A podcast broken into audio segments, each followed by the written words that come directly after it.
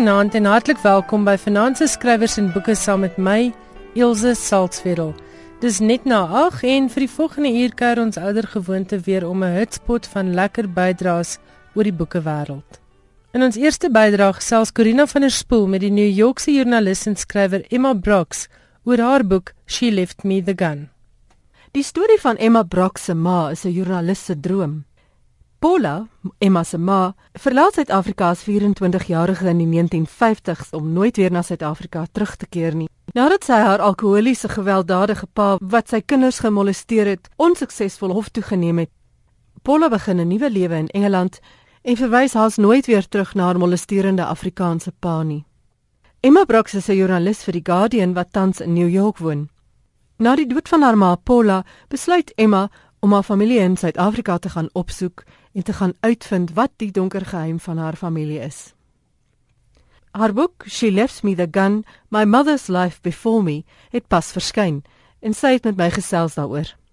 I was delighted to see that you're coming out to the country. I've been following your writing for years in The Guardian. Uh, you're a journalist first and foremost, or would you would you say that's changed now? No, I still feel. I think I'll always be a journalist first and foremost. That feels like my natural habitat is uh, is writing for newspapers. But it's very nice to do books as well. So I was delighted to see that you had written a book, although it's not your first. And I was even more interested when I realized there was a South African connection. And that connection is your mother, Pauline de Kivet. Mm-hmm. Can you tell us a little bit more about this person? Okay. She was a very larger than life character, particularly in the mild English village in the south of England where I grew up. It was I, the way I think of it is that she was almost drawn not to scale in that village. She dominated the landscape around her. She was very loud, very opinionated. You know, she loved a good fight. She would really, and if she couldn't, if there wa- wasn't one readily readily available, she would cruise around the village looking for one. So she was emphatically not English, although she had worked hard to erase her South African accent when she arrived in England in 1960 uh, because it didn't open many doors in those days. um, so, um, and uh, she was she was great fun. We were good. We, she was you know she was great. My mum, she really was. In that way, she reminds me of Alexandra Fuller's mother, who is also larger than life. Alexandra Fuller, of course, the author of Let's Not Go to the Dogs Tonight. But your mum don't seem to be that in that sort of colonial way.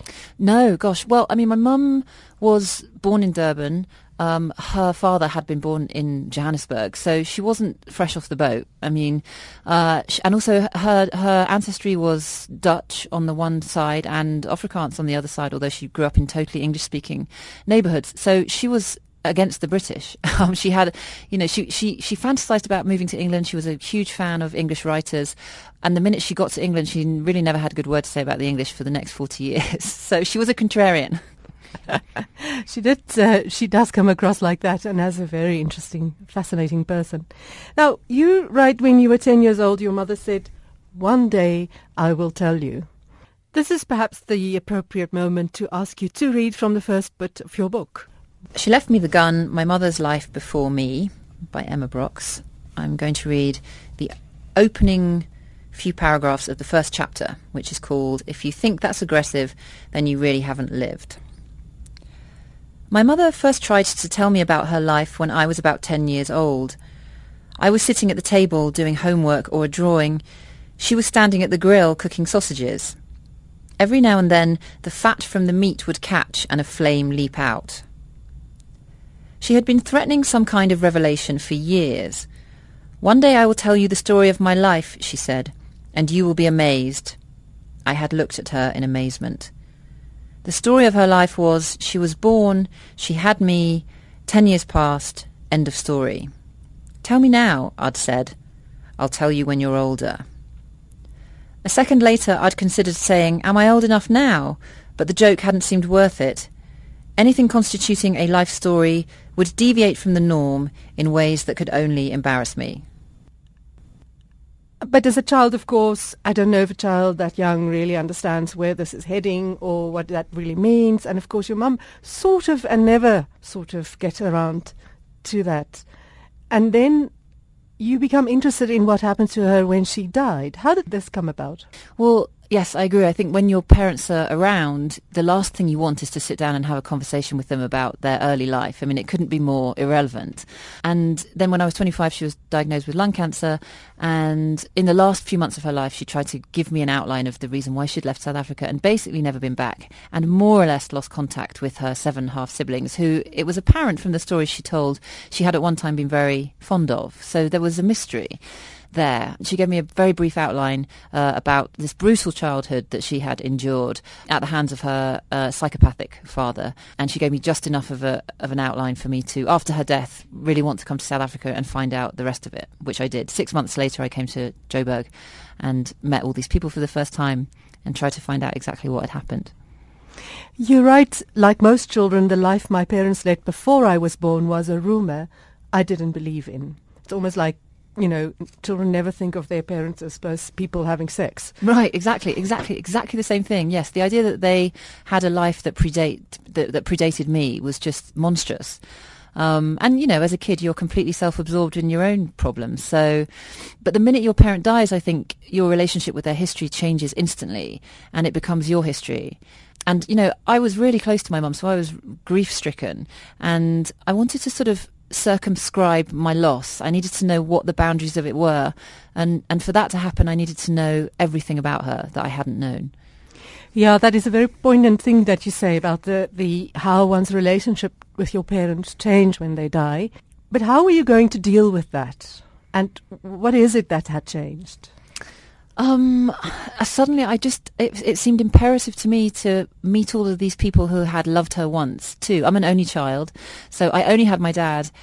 He, my dad was the only other person who remembered her the way I did, and I desperately wanted to be in a room with people a who looked like her because I had no I had no one but my, myself to remind me of her, and also who who could t- I wanted to talk about her all the time. I think in the way that when when you've lost someone who was very close to you, all we want to do is talk about them.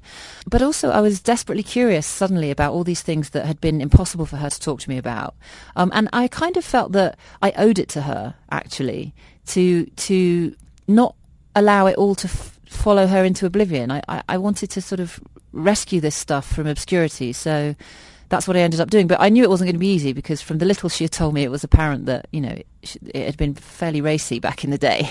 Um, Yes, I found it very interesting that the first thing you did when you arrived in South Africa, in Johannesburg, really with all the scary ideas of South Africa in the back of your head, almost expecting lions in the streets. You you go to Pretoria with a taxi, I think, from Joburg, yes, yeah. and to the National Archives, where I think many South Africans have actually not been. No. Well, of course, that's your journalistic background coming in, but you were chasing something there. I was. The thing that my mum had told me just before she died was that um, when she was 25, so her father had been a, a, a, violent alcoholic, a child molester. He'd molested all of his daughters. And my mother, after years of campaigning to get the authorities to show an interest in what was going on in their, in their horrible household, finally managed to get them to arrest him. And my grandfather stood trial in the High Court in Johannesburg on charges of child molestation, incest, in fact. And he had defended himself, my mother told me, um, and had cross examined his own children in the witness box and had basically destroyed them one by one.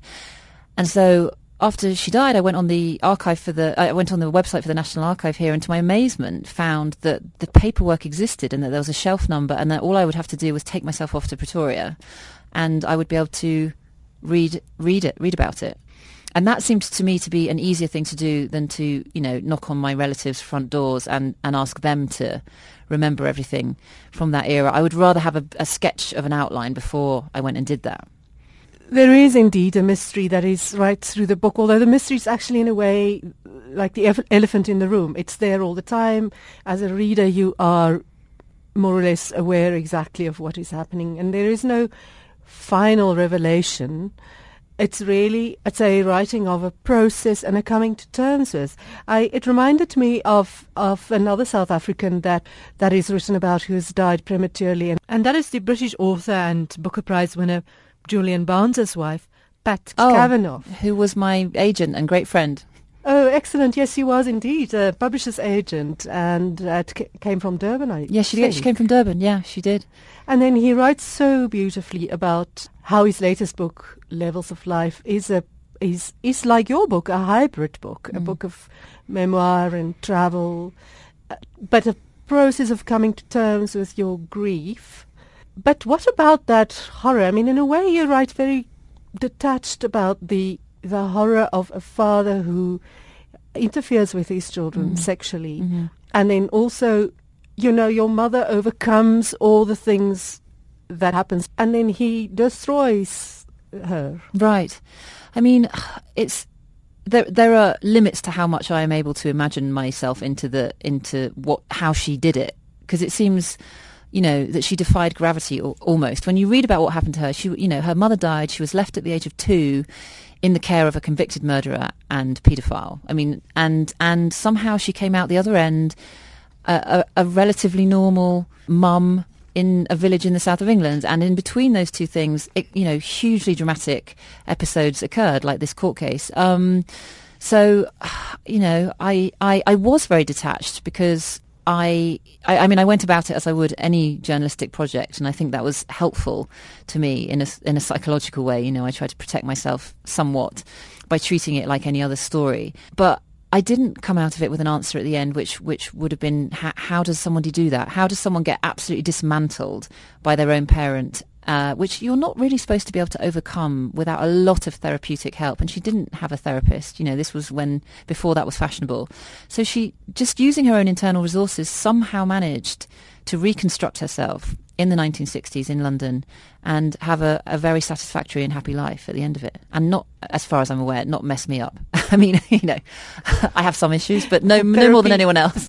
However, she, she clearly loves her siblings very much. She's got seven siblings. They're all half siblings, if I have it right. Yes. Whom you all visit, and you, I think you've met all of them. All except uh, one who lives in Florida, yeah. Um.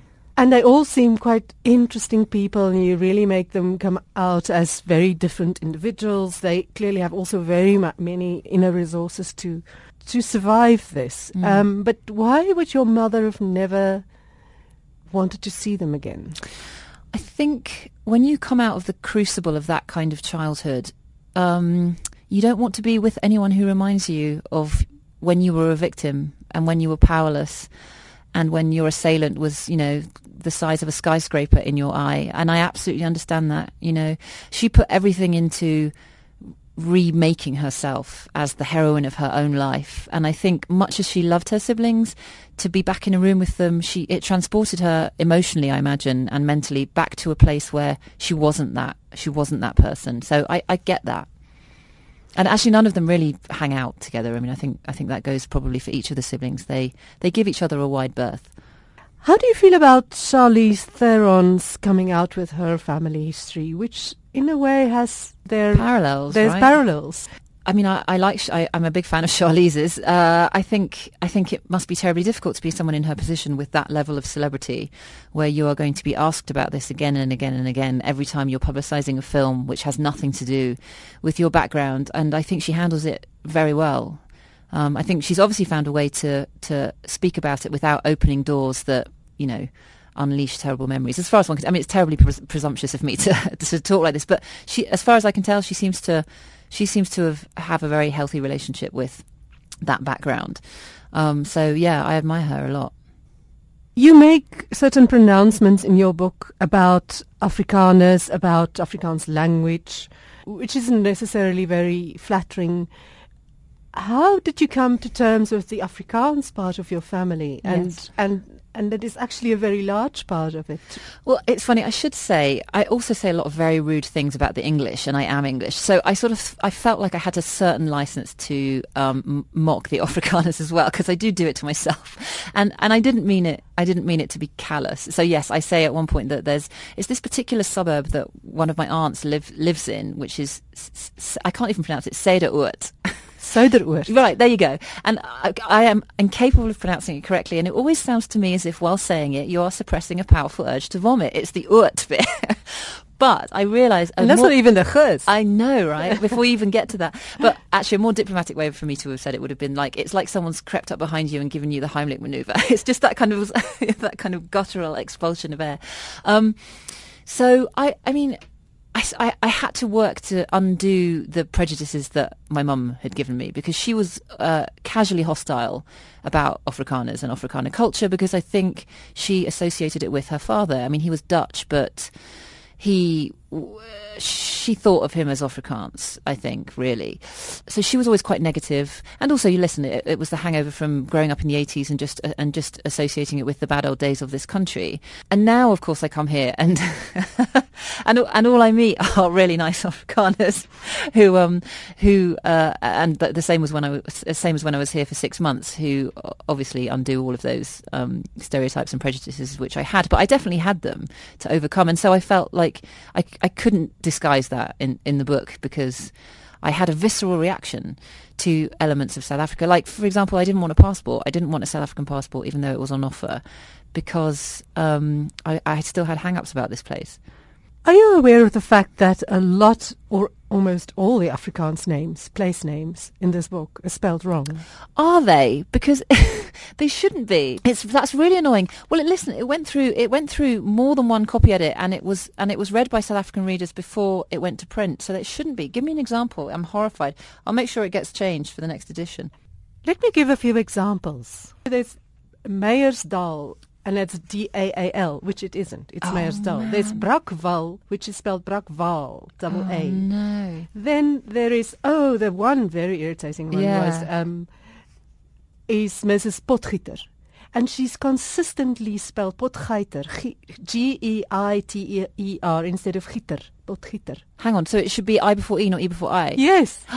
what? But hang on, how do we know that you're right and I'm wrong? What? What if it just was a I'm was Afrikaans. a no? But but maybe uh, maybe that was the one spelling of that name and it happened. No, it's it. just it's consistently wrong. Oh yeah. Even in the Guardian's extract of your book. Hang on, wait, wait, wait. But so who who is that character in the book? I'm Mrs. Potgieter. Yeah. And then there was another one who's irked me because there's a black man and he goes by the name Opa.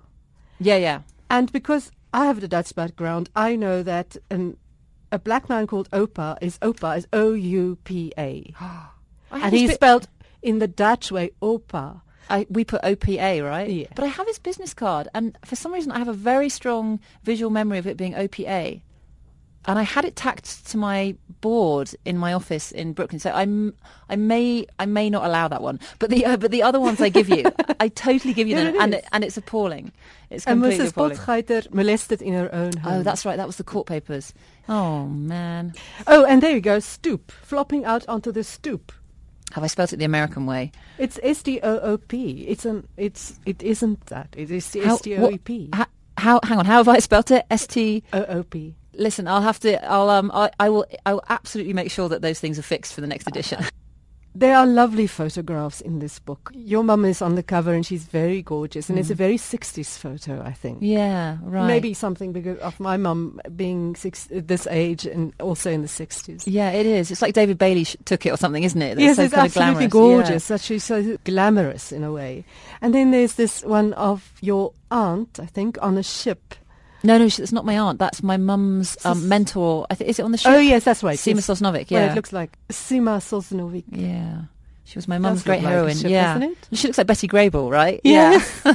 it really, and, and I love how it's done in the book, almost in that. I mean, I think W.G. Sebald, st- mm. st- the layout of those books started really a lovely trend of incorporating pictures, not to, to make such a big deal of the fact that they are pictures, but they are so much part of the text, which adds I, to that hybrid form. I agree with you. I much prefer having them integrated in the book than on a plate in the middle on glossy paper, which yeah. always always seems like that belongs with true crime genre.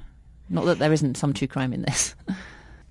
there's, there's a few things that I thought had jarred. There's a meeting with in the sugarcane fields of Natal with oh yeah bikers yeah bikers. in leathers yeah. And yeah and there's real fear and angst because you're driving now through the countryside.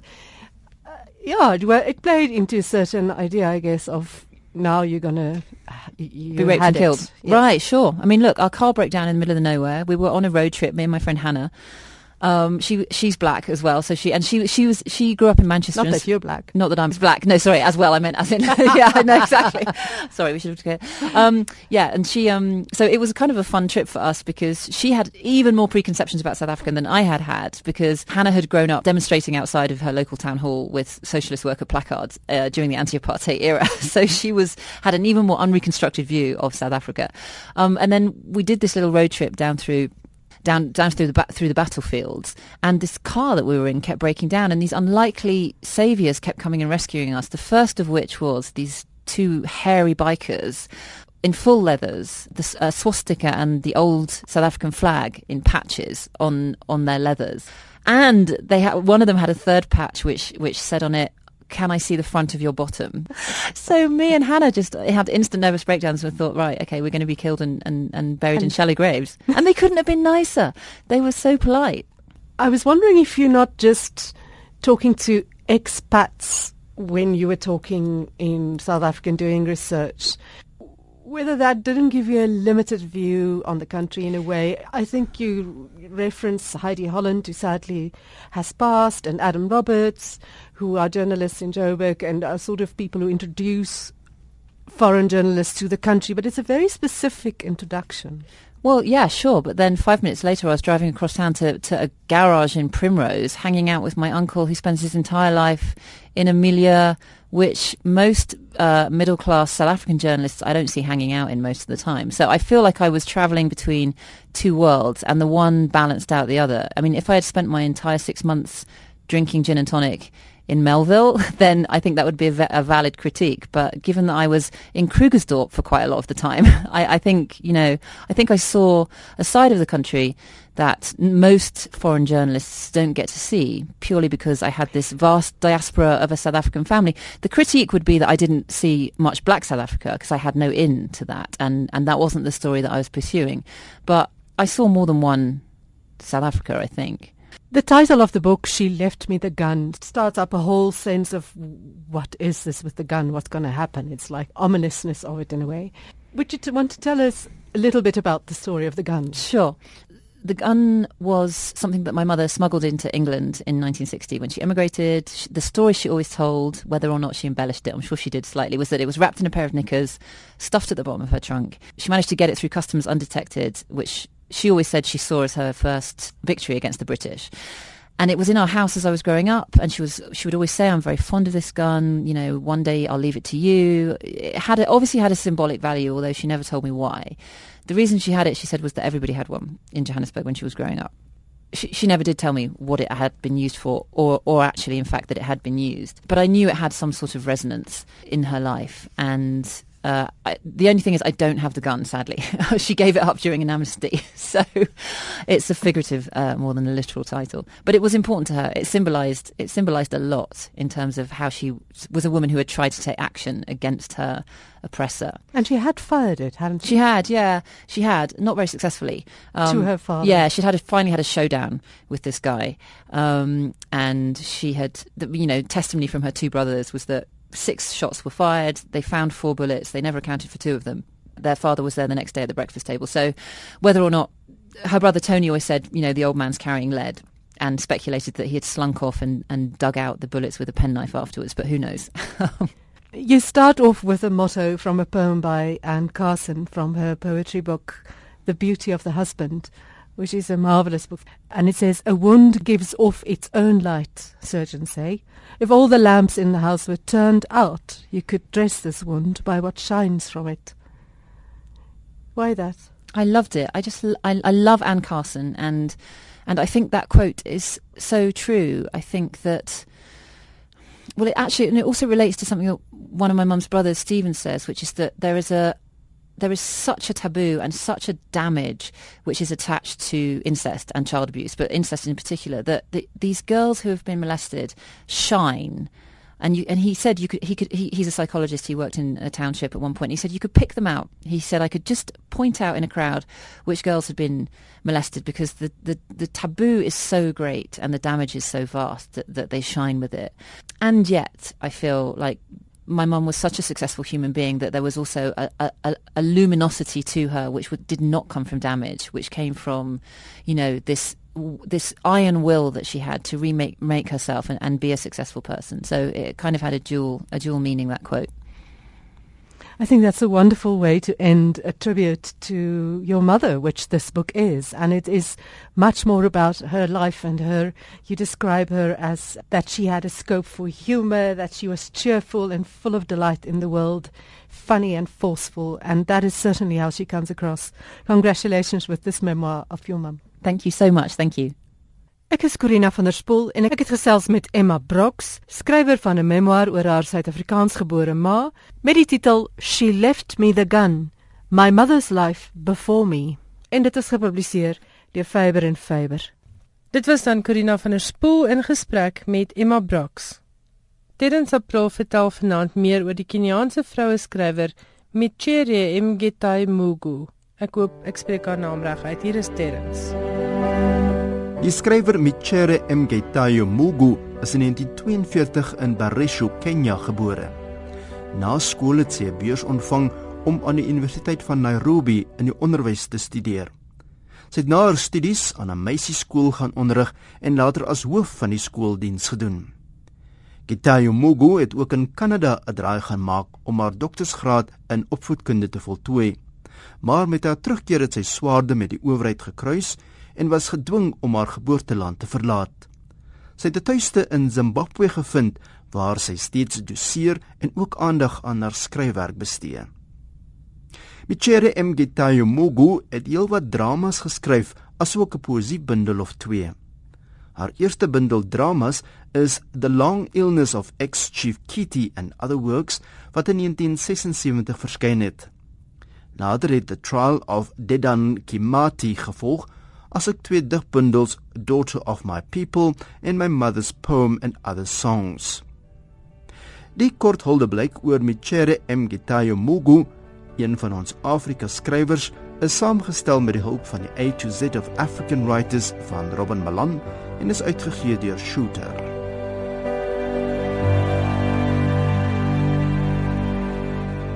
Dit was dan Terrence April. Johan Meiburg is die kunsredakteur van Beeld en hy lewer vir ons 'n gereelde bydrae oor internasionale letterkunde. Hallo Johan. Hallo Ilse. Waaroor praat ons vanaand? Ons begin met die Edinburgh Boekefees. Ehm um, sowat 200 000 besoekers word vanjaar verwag vir die internasionale boekefees wat van 10 tot 26 Augustus in Edinburgh in Skotland aangebied word vanjaar vir die 30ste keer. Op vanjaar se program is daar sowat 700 items en van die skrywers wat 'n draaidag gemaak is onder andere Roddy Doyle, Kate Atkinson, John Banville, Antonia Fraser en Edna O'Brien. Maar is vanjaar veral twee skrywers, een Banks en Salman Rushdie, wie se werk op die fees gedenk word. Dis 30 jaar na die publikasie van Banks, die skrywer wat in Junie oorlede is, se The Wasp Factory en is eweneens 30 jaar na Rushdie se insluiting in die 1983 Granta lys van die beste jong Britse skrywers. Nou iets oor Granta, die jongste uitgawe van die wonderlike tydskrif, veel meer ensiklopedie as tydskrif bevat hoeka weer die werk van 20 jong skrywers wat beskryf word as die toekoms van die Britse letterkunde. Dis nou vir 3 dekades al dat Granta die beste Britse talent aan lesers bekendstel. Hulle was verantwoordelik daarvoor dat skrywers soos Martin Amis, Julian Barnes, Kazuo Ishiguro, Ian McEwan, Salman Rushdie en noem maar aan lesers bekend gestel is. Granta het in 1889 in Cambridge ontstaan as 'n tydskrif vir studente politiek en letterkunde. Vroeg in die 1970s sê dit gelyk of die tydskrif gaan doodloop.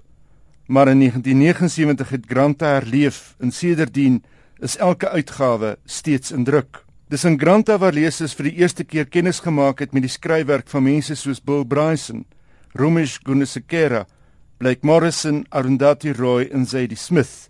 'n boonop kennis kon neem van uiteenlopende onderwerpe soos die val van Saigon, die mitologie van die Titanic en Chinese kriekgevegte. Dis wanneer verhoudinge tussen lande stram raak dat 'n besondere instelling soos PEN internasionaal immer 'n brug kan bou. So die Peruviaanse skrywer Mario Vargas Llosa indertyd oor PEN opgemerk. PEN is 'n internasionale organisasie wat letterkunde vier en vryheid van spraak bevorder. Dis in 1921 gestig en het tans meer as 20000 lede in meer as 100 lande. Onder pense lede tel skrywers soos Margaret Atwood, Isabella Allende, James Coetzee, Joseph Conrad, Mario Vargas Llosa, Amin Malouf en Salman Rushdie. Afgevaardigdes van pensentrums reg deur Afrika kom van 22 tot 25 November in Dakar, Senegal byeen. Die bespreking hierdie jaar gaan oor die rol van die skrywer in die Afrika konteks en die tema vir die byeenkoms is Afrika te staan voor demokratiese veranderings, die rol van die skrywer. Vandag se verjaardagskrywer of hierdie week se verjaardagskrywer is Frans Kafka. Die man wat benewens sy boeke ook die woord Kafkaesk aan die wêreld nagelaat het. Hy is vandag 130 jaar gelede in Praag gebore. In sy 40 jaar het hy homself gevestig as een van die 20ste eeu se invloedrykste skrywers. Ek hoop ek is verkeerd, maar kon geen Afrikaanse vertaling van enige Kafka werk opspoor nie. In Engels is die bekendstes die Metamorphosis, The Trial in the Castle. Kafkaesk is nie 'n beskrywing nie. Dis 'n klaustrofobiese en nagmerrieagtige ervaring wat 'n mens kwaliek afgeskit kry. Die soort ervaring wat 'n mens dikwels oorhou van blootstelling aan benepe birokrasie. Die sinloosheid, disoriëntasie, hulploosheid wat Kafka se karakters aanvoel, beroof hulle ewentevel van die vermoë om leiding te neem of net uit hulle situasie te kan kom. Dis die dilemma wat kunstenaars lank na die lewe en die dood van Kafka steeds aangryp. En in ons dag kry dit gereeld nog gestalte op die silwerdoek in die werk van regisseurs soos Terry Gilliam en die Koen broers. Dankie Johan, soos gewoonlik weer baie interessant. Dankie vir jou moeite. Baie dankie.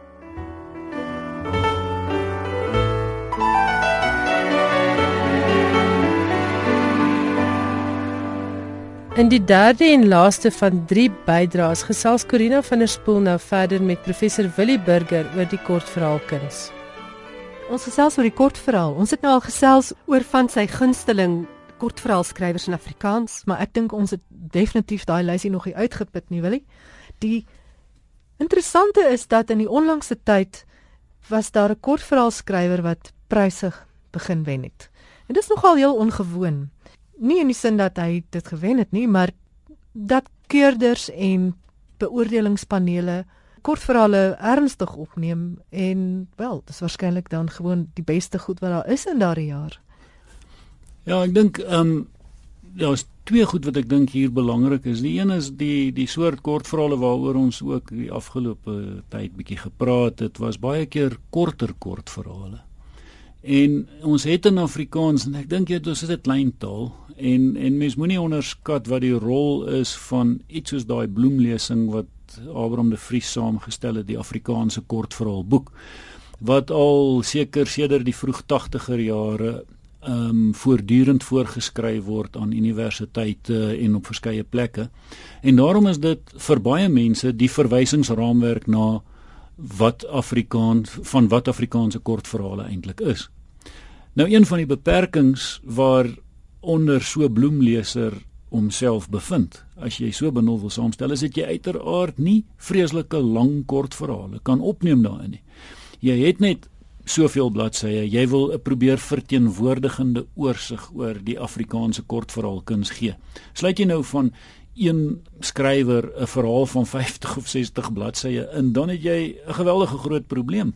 En ek dink een van die langste kortverhale in daardie versamelbundel is waarskynlik Henny Oukamp wat ons ander groot kortverhaalskrywer is vir vier stemme. Daai onvergeetlike verhaal wat so afspeel in die in die bergwêreld afgeleë met die met die skrikwekkende gevolge van 'n selfmoord en so aan maar wat uit vier verskillende uh, vertellershoeke as dit ware aangebied word. Ek dink is een van die hoogtepunte in die Afrikaanse kortverhaalkuns in elk geval van van Oukamp se werk.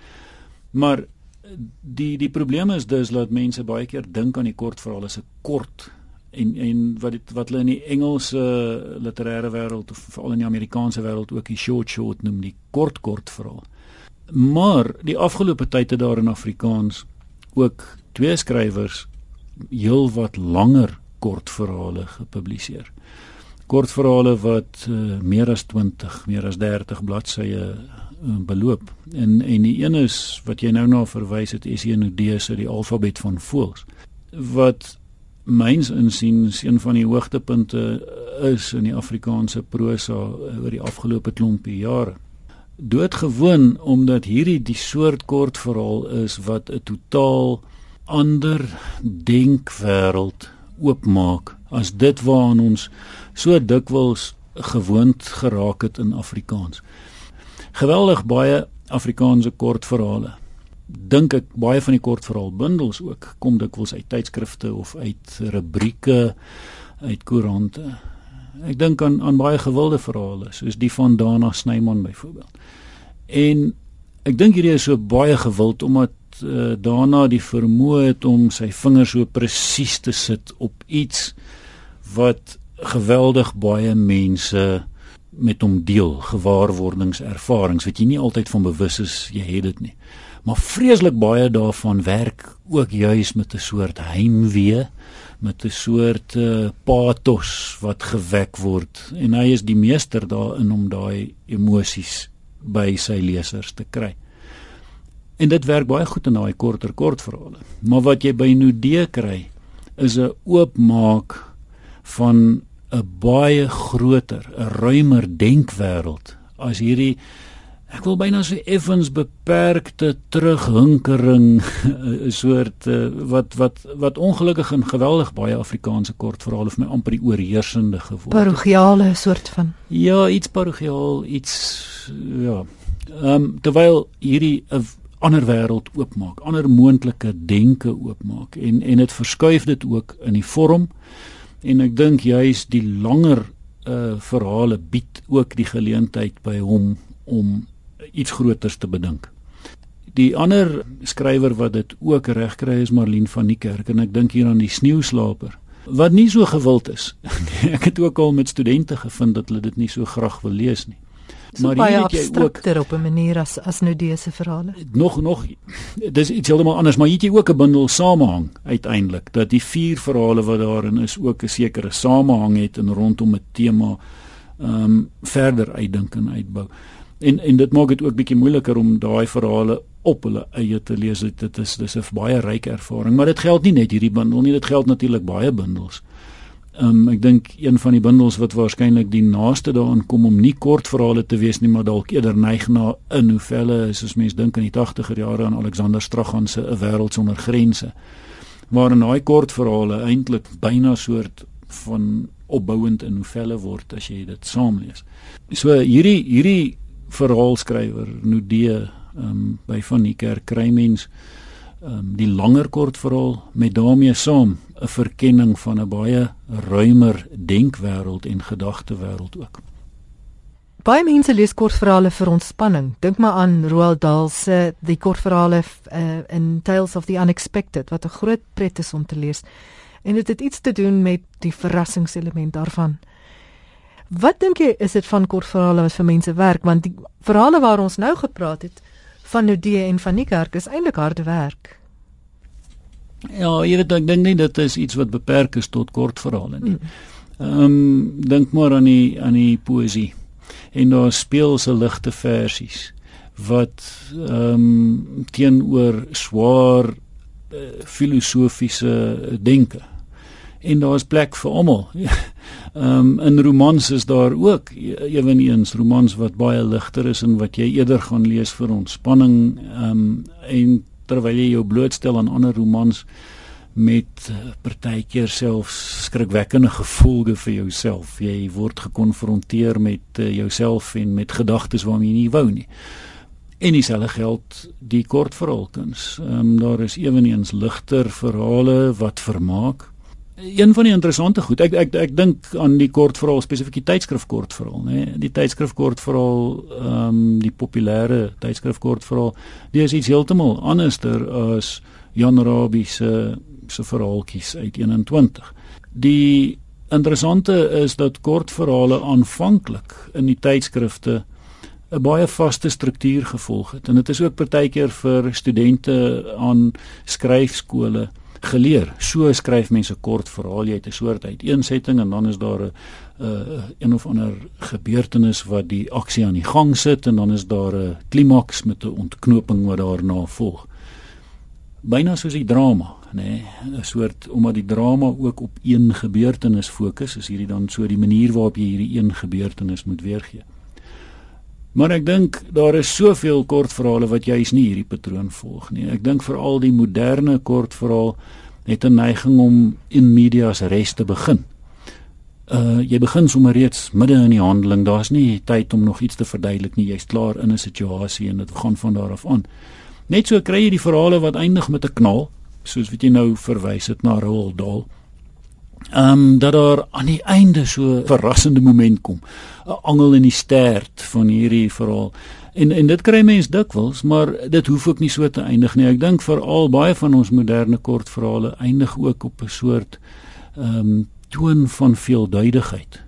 'n Oop einde om nou 'n soort klise ook te gebruik waar ehm um, dit nie baie mooi vasgepen kan word waarmee jy het nie. Bring ons miskien terug by um, 'n opmerking van vroeër, jy weet, hoekom mense kortverhale lees en dit het iets te doen dalk daarmee dat in ons tyd ons ook baie bewus is daarvan dat om finaal sin te gee en om te verstaan wat met onsself en met ons wêreld gebeur nie altyd maklik is nie. En die troos van 'n sluitende slot waarin almal weer hulle plek vind en en dit is iets wat jy heel dikwels vind ontbreek want dit kan tog nie vir die moderne mens so maklik meer gebied word nie. Dankie Corina en professor Willie Burger.